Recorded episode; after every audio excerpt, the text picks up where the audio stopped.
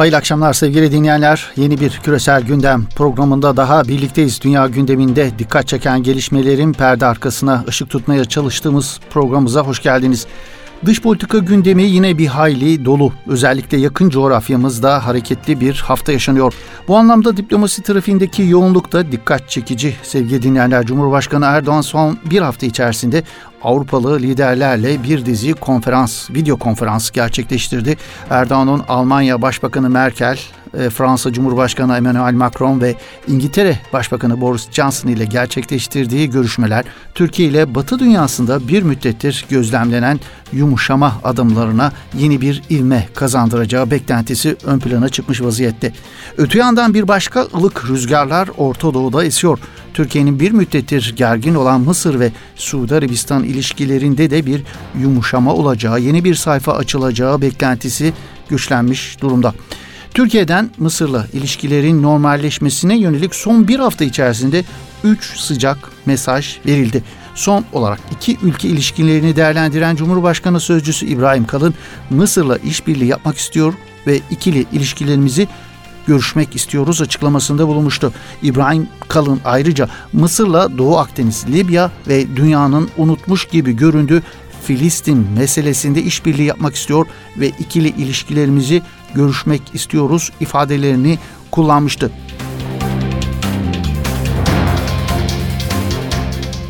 Türkiye ile Mısır arasındaki yakınlaşmanın Yunan tarafında doğurduğu rahatsızlık, Papa'nın Irak ziyaretinin yankıları, Husilerin Suudi Arabistan'a yönelik füze saldırıları, Amerika Birleşik Devletleri'nin Afgan liderlere yaptığı barış görüşmelerini Türkiye'de yapalım teklifi küresel gündemin dikkat çeken başlıkları arasında yer aldı.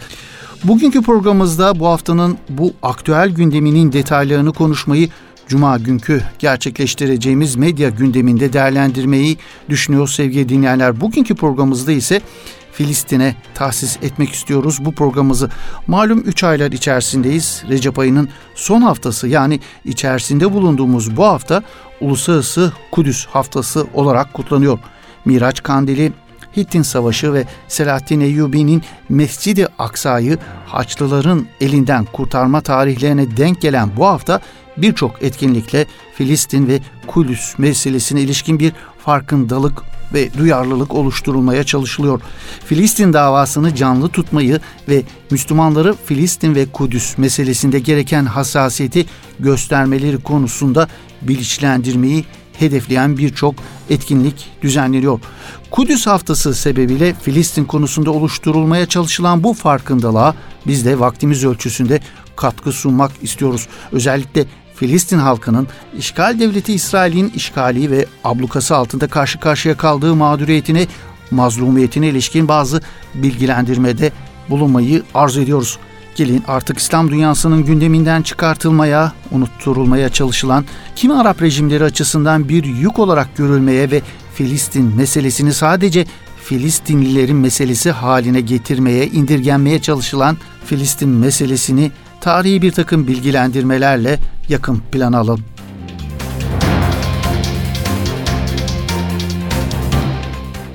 Binlerce yıllık geçmişe sahip Filistin toprakları geçtiğimiz yüzyıldan bu yana dünya gündeminden düşmeyerek uluslararası hareketliliğin merkezini oluşturuyor. Dini, siyasi ve kültürel açıdan taşıdığı anlamı ve Doğu Akdeniz'deki tarifsiz jeopolitik önemi Filistin'i değerli kılmaya fazlasıyla yetiyor. Filistin hem Hz. İbrahim'in kendisi gibi peygamber olan iki oğlu Hz. İsmail ve Hz. İshak'ın soyundan gelen Müslümanlar ve Yahudiler yani İsrail oğulları için hem de Hz. İsa'nın doğum ve mücadele yeri olması özelliğiyle Hristiyanlar için kutsal bir coğrafya. Yahudilerin kökenlerini Hz. İbrahim'e dayandırarak buradaki varlıklarını haklı gösterme çabaları Hz. Musa'nın ilahi emirleri almak için gittiği Tur Dağı'ndan henüz geri dönmeden Allah'a şirk koşarak buzağıya tapmaları, Allah'ın kendilerine vaaz ettiği Tevrat'taki emirleri değiştirmeleri ve peygamberlerini öldürmeye varan aşırılıkları ile birleştirildiğinde topluluğun esasen dine bakışındaki tezatı ortaya çıkarıyor. Hazreti Yakub'u haşa Allah ile güreştiren ve galip getiren bir zihniyetin Allah inancı ise aslında çok açık gözüküyor. İsrailoğulları M.Ö. 2000'lerde ulaştıkları Filistin topraklarından Babil Krallığı ve Roma İmparatorluğu dönemleriyle Haçlı işgalinde büyük katliamlara uğrayarak sürülmüşlerdir. Öte yandan Yahudiler Hz. Ömer'in hilafetinde Kudüs kapılarının Müslümanlara açılmasıyla başlayan dönemde ve ardından Selahaddin Eyyubi ve 4 asır sürecek olan Osmanlı döneminde bu topraklarda barış ve esenlik içerisinde yaşamışlardır.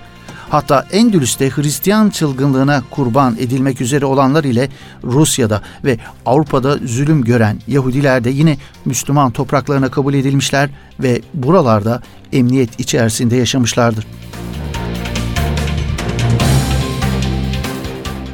19. yüzyıl Avusturya, Macaristan, İngiltere ve Rusya gibi güçlerin dünya siyaset sahnesine damgasını vurduğu, Osmanlı Devleti'nin ise zayıflamaya başladığı bir dönemdi.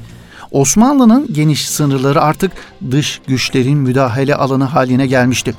Bu dönemde Avrupa'da bir Yahudi devletinin varlığına hayır diyen Avrupalı güçler 1897 yılında İsviçre'nin Basel şehrinde yapılan 1. Siyonist Kongresi ile başlayan ve halkı olmayan bir ülkeyi ülkesi olmayan bir halka devredin sloganı ile Filistin topraklarında bir Yahudi devleti kurulması fikrini öngören süreci hararetle desteklediler. Birinci Dünya Savaşı sırasında Orta Doğu'nun paylaşımını öngören İngiltere ve Fransa arasındaki Sykes-Picot Anlaşması bir sene sonra 1917'de Balfour Deklarasyonu Yahudilere Filistin topraklarını resmen açmış oldu. 1920-48 arasındaki İngiliz mandası ile birlikte bölge yavaş yavaş anarşinin kucağına bırakılıyordu. İkinci Abdülhamit'i aşmayı başaramayan Yahudiler, padişahın büyük önlemler aldığı bu topraklarda artık Hahanak ve İrgun gibi çetelerle Müslümanlara karşı her türlü saldırıyı sistematik bir biçimde sürdürmeye başlamıştı. İkinci Dünya Savaşı sonrasında bölgede İngiltere'nin yerini ABD aldı. 1948 yılı Mayıs'ından Filistin topraklarında Batı desteğiyle İsrail Devleti kuruldu. Bu devlet daha kurulmadan önce bölgede gerçekleştirilen Deir Yasin gibi katliamlar ise aslında Orta Doğu'da yeni ve daha büyük bir istikrarsızlığın habercisiydi. 1948'den itibaren yaşanan Arap-İsrail savaşları Yahudilerin arkasındaki güçlü Batı desteğinin yanı sıra Arap ülkelerinin Filistin konusundaki tutarsızlıklarını ve samimiyetsizliklerini de ortaya koyuyordu. 1967 savaşında İsrail'e topraklarını kaptıran Mısır, Ürdün ve Suriye'nin soruna daha çok bir iç politika malzemesi olarak yaklaşmaları ve kendi kayıplarının peşine düşmeleri, ortak bir harekat planı ortaya koyamamaları ile birleşince sürecin Filistin aleyhine işlemesi kaçınılmaz bir hal aldı. Soğuk Savaş döneminin çift kutuplu sisteminde ise Filistin'de dengeler çok fazla değişmedi. İsrail 1967 savaşı ile Kudüs dahil tüm Filistin'i ele geçirerek topraklarını 3 misli genişletti. 1973 savaşı ise İsrail'in elini iyice güçlendirdi. Her savaş ve katliam sonrasında Filistin mülteciler kervanına yenileri eklendi. Birleşmiş Milletler'de alınan 200'ün üzerinde karar ise ya Güvenlik Konseyi'nden ABD vetosuyla döndü ya da herhangi bir yaptırımı olmayan bu kararlar İsrail'in keyfi uygulamaları ile su üzerine yazılmış maddeler olarak kaldı. 1970 yılındaki Kara Eylül olaylarında Ürdün Kralı Hüseyin'in İsrail desteğiyle binlerce Filistinliyi katletmesi, İsrail'in 1982 Lübnan işgali ve Sabra katliamlarıyla baskılar Filistin topraklarının dışında da devam etti.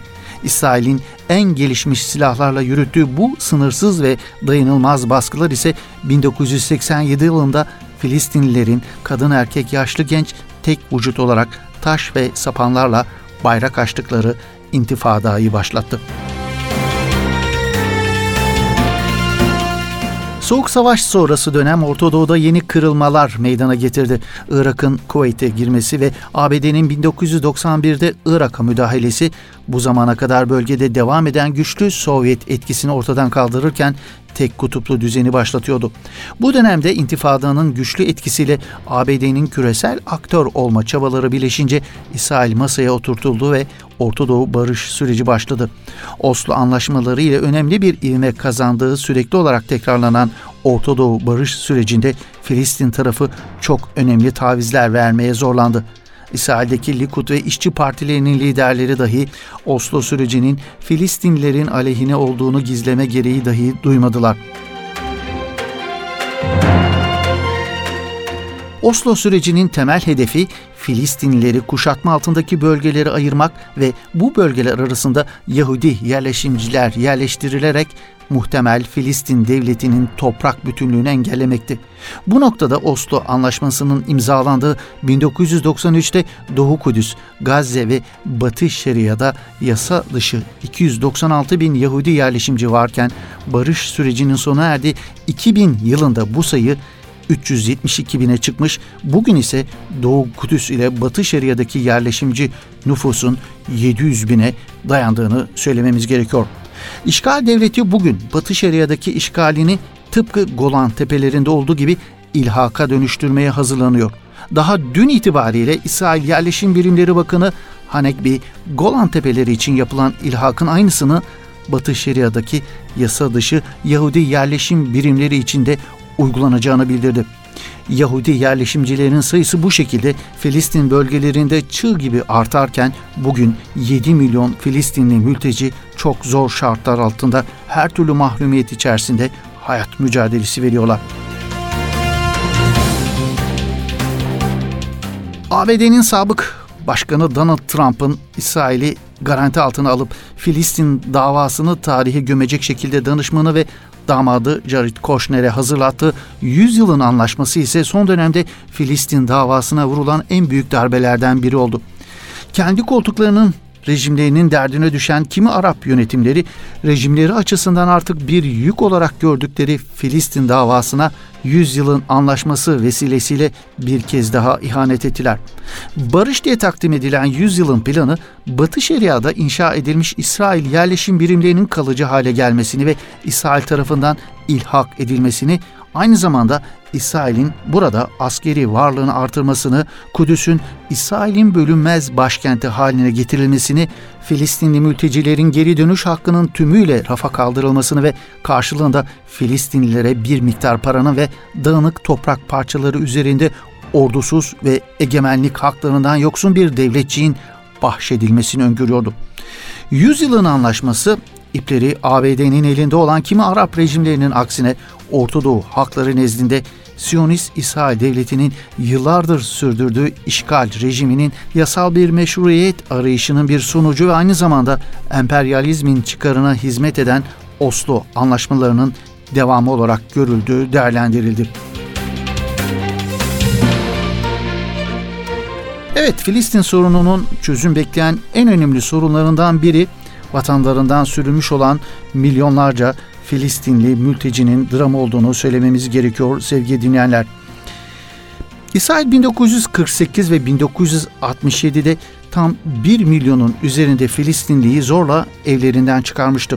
Günümüzde Filistin nüfusunun yarısına yakınının mülteci durumunda olduğunu söylememiz gerekiyor. Mültecilerin geri dönüş hakkı BM'nin 194 sayılı kararına göre tanınıyor olmasına rağmen İsrail Filistinlilerin geri dönüş taleplerini şiddet kullanarak bastırıyor. Bugün Orta Doğu'da, Lübnan'da tam 513 bin dolayında Filistinli mülteci yaşıyor. Suriye'deki rakam ise 438 bin dolayında. Batı Şeria'da ise 197 bin dolayında mülteci yaşıyor. Gazze'de ise 1.4 milyon. Ürdün'de ise 2.3 milyon mülteci yaşıyor sevgili dinleyenler. 2.3 milyon Filistinlinin yaşadığı Gazze şeridi ise dünyanın en sancılı bölgelerinden biri. Uluslararası literatüre girdiği şekliyle ifade edilecek olunursa dünyanın açık hapishanesi durumundaki Gazze'de 2007 yılından bu yana işgal devleti İsrail ve Mısır tarafından konulan ve devam eden kara, hava ve deniz ablukası altında yaşamak zorundalar sevgili dinleyenler. Gazze halkına yönelik abluka en çok Filistinli çocukların geleceğini çalıyor sevgili dinleyenler. Nüfusun %38'i 15 yaş altı çocuklardan oluşuyor. Filistin'deki ablukanın ve saldırılarının en büyük mağduru çocuklar. Son 10 yılda İsrail saldırılarında tam 912 çocuk ölmüş. En az 12 bin çocuk da yaralanmış. İsrail hapishanelerinde tutulan Filistinli çocuk sayısı 180. Çocuk engelli Filistinlilerin sayısı ise tam 18.600. Bunların %38'i hiçbir eğitim alamıyor. En az 22 bin çocuk ise yetim.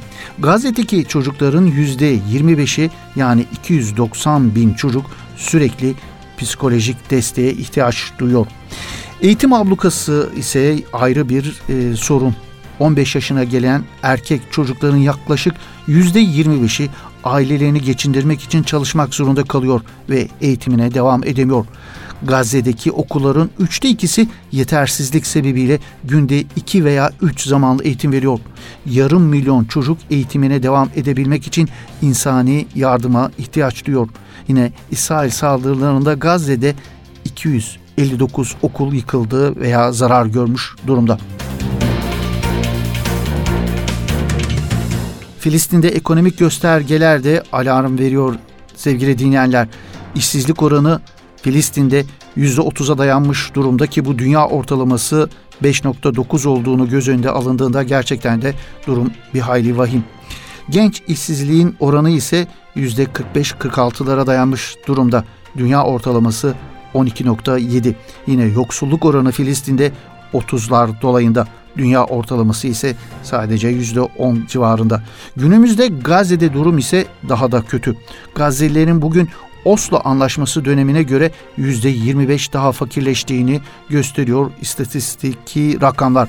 Gazze'de işsizlik oranı ise %50 oranında. Gençler arasındaki işsizlik oranı ise Gazze'ye ilişkin %70'lere varmış durumda. Yine Gazze'de yoksulluk oranı %53 dolayında. Gazze'deki kişi başına düşen gelir ise 373 dolar. Dünya ortalaması ise 16.108 dolar sevgili dinleyenler. Evet sevgili dinleyenler Kudüs haftası sebebiyle Filistin konusunda oluşturulmaya çalışılan farkındalığa biz de vaktimiz ölçüsünde katkı sunmaya çalıştık. Özellikle Filistin halkının İsrail'in işgali ve ablukası altında karşı karşıya kaldığı mağduriyete, mazlumiyete ilişkin bazı bilgilendirmelerde bulunmaya çalıştık. Filistin halkının ve ilk kıblemiz Mescid-i Aksa'nın karşı karşıya kaldığı esaretten kurtulması dileğiyle Yarın idrak edeceğimiz Miraç kandiliniz mübarek olsun sevgili dinleyenler. Hayırlı akşamlar. Allah'a emanet olun sevgili dinleyenler.